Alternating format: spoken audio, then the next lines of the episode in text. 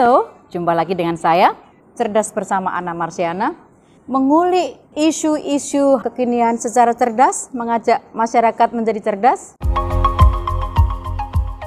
Kali ini kita akan membahas uh, topik tentang postingan Tara Basro di media sosial beberapa hari yang lalu. Teman-teman masih ingat kan tentang postingan uh, foto posenya itu? Saya kira ini topik yang tepat untuk dibahas pada Hari Perempuan Sedunia ini, karenanya sekaligus saya ingin mengucapkan kepada seluruh perempuan yang menonton uh, edisi ini, un, selamat Hari Perempuan Sedunia. Tetaplah menjadi perempuan merdeka dan mari terus memerdekakan perempuan yang lain. Sehari setelah postingan Tara Basro di Twitter, uh, kita mendapatkan Humas Kominko uh, Ferdinandus Setu mengatakan bahwa uh, postingan itu melanggar Undang-Undang ITE pasal 27 ayat 1 tentang pornografi. Uh, untungnya kemudian tanggal 5 Maret uh, Kominko-nya sendiri Joni Plate, Bapak Joni Plate kemudian menyanggah dan mengatakan bahwa postingan Tara Basro itu tidak masuk kategori pornografi, uh, tapi masuk kategori self respect. Mudah-mudahan itu karena Pak Joni mendengarkan uh, apa aspirasi publik uh, dan CSO yang memberikan kritik. Jadi kita apresiasi deh uh, statement dari Pak Joni sekaligus bisa memberi edukasi tentang apa itu yang masuk pornografi apa yang tidak.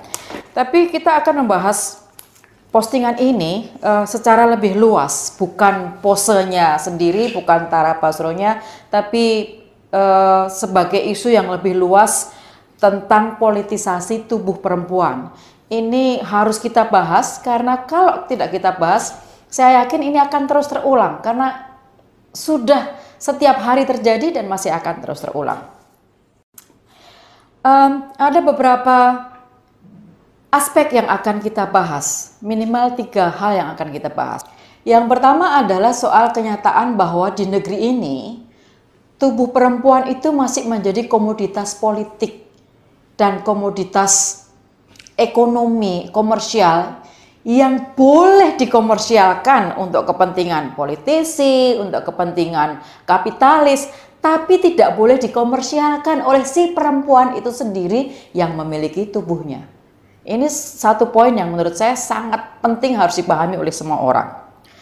Kenapa saya katakan begitu? Karena saya katakan dia boleh dikomersialkan oleh politisi.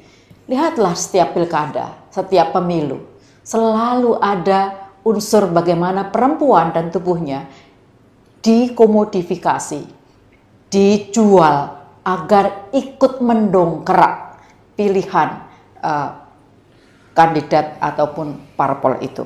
Nggak perlu saya sebutkan contohnya, setiap gelaran pemilu kita punya gambaran di depan mata. Dan bagaimana dengan kapitalis?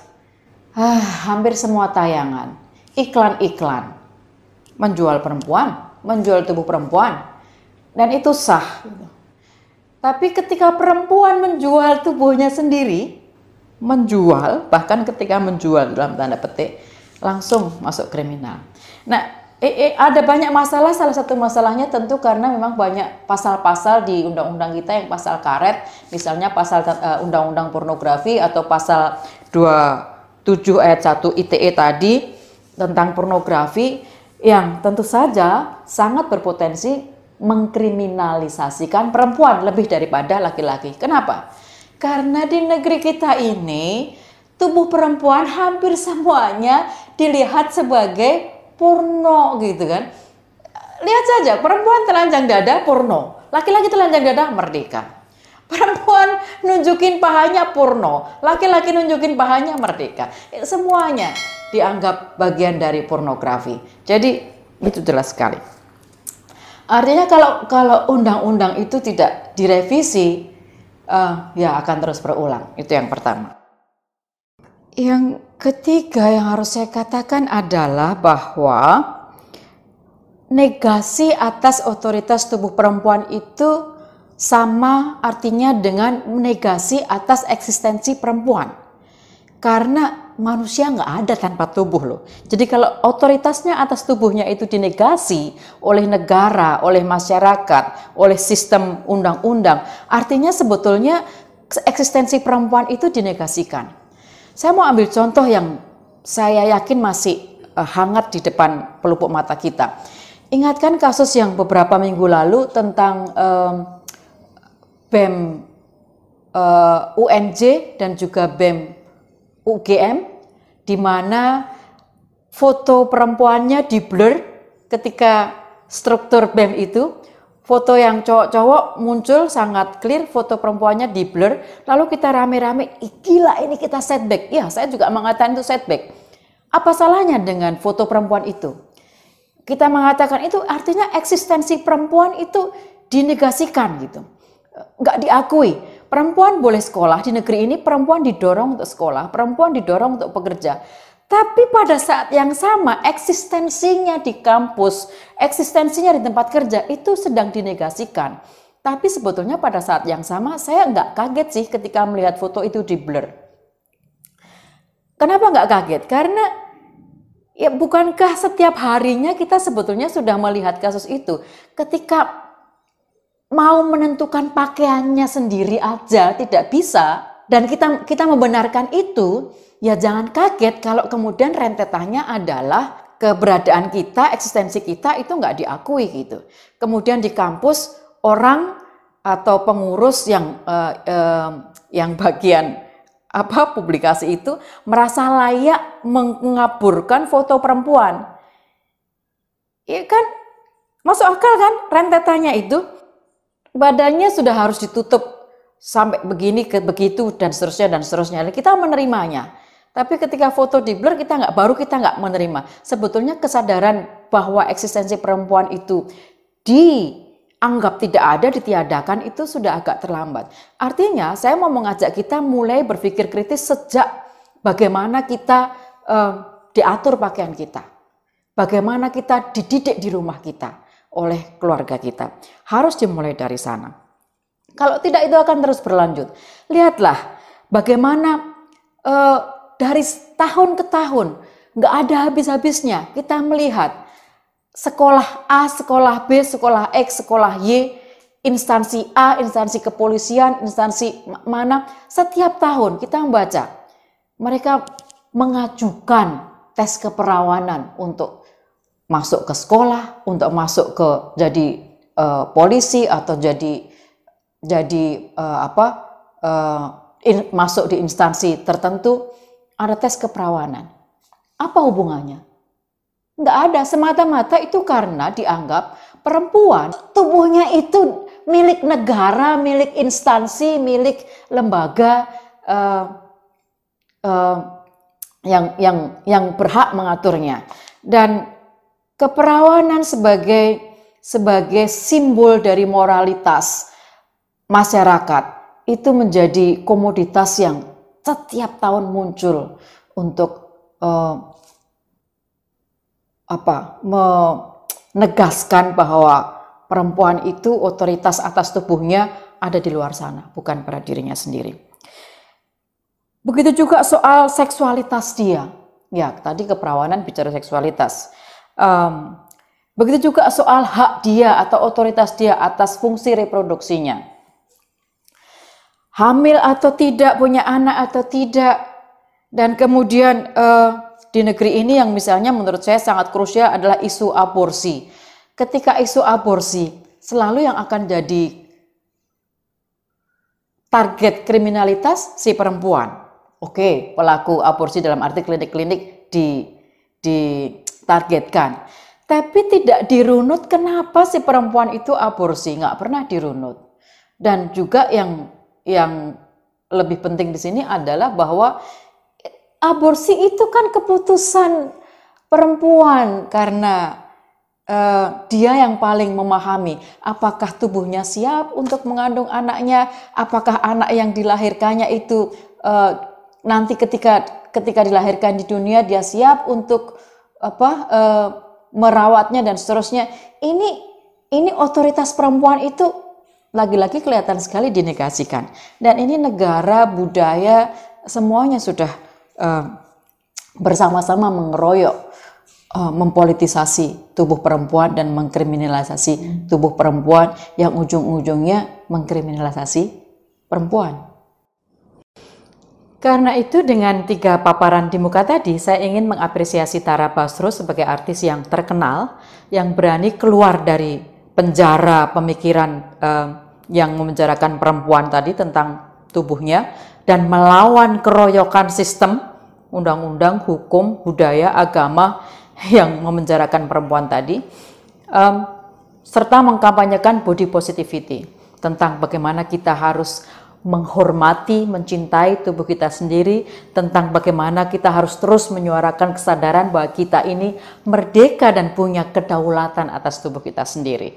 Karena kedaulatan atas tubuh adalah kedaulatan atas diri. Dalam konteks itu, maka saya mengatakan bahwa eh, yang pertama, RUU Ketahanan Keluarga hanya akan memperparah kondisi penegasian eksistensi perempuan itu. Yang kedua, saya ingin kembali mengajak teman-teman perempuan khususnya, uh, tapi juga laki-laki yang sudah memiliki kesadaran tentang uh, bahayanya politisasi tubuh perempuan dan kriminal, kriminalisasi perempuan di negeri ini.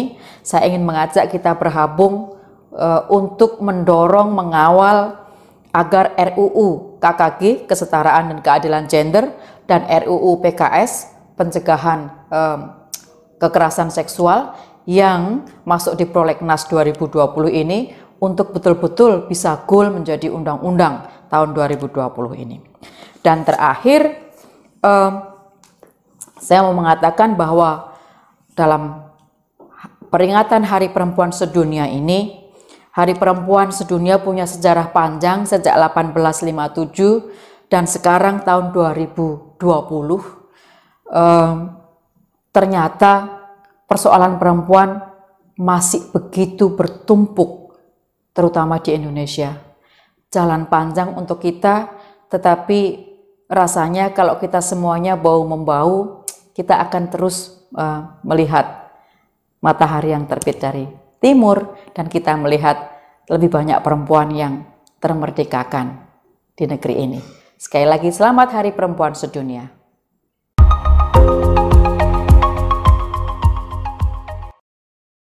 Yang kedua, eh, politisasi itu sudah begitu mendarah daging, mengurat otot di seluruh sendi-sendi kehidupan, agama, negara, budaya, dan semuanya sudah saling berkelindan gitu. Eh, negara melalui sistem perundang-undangannya tadi sudah saya sebutkan sampai ke perdanya di zaman otonomi daerah maka perda itu sangat powerful.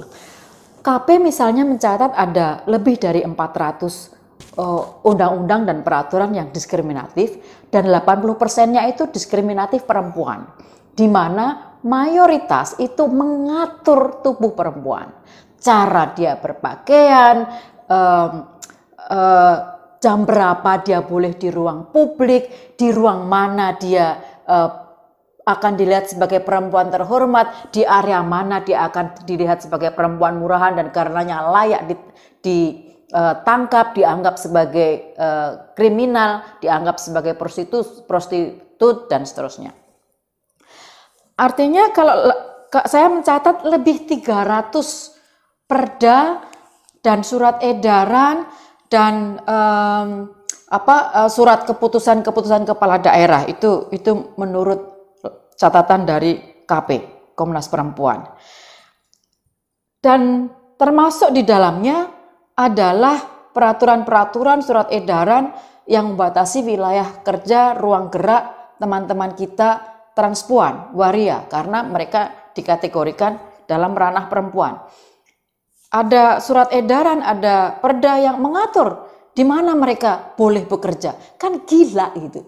Ini mereka ini adalah warga negara yang berhak atas eh, pendidikan dan penghidupan yang layak dijamin oleh Undang-Undang Dasar 45. Jadi itu eh, dua masalah kedua yang yang yang penting untuk dibahas.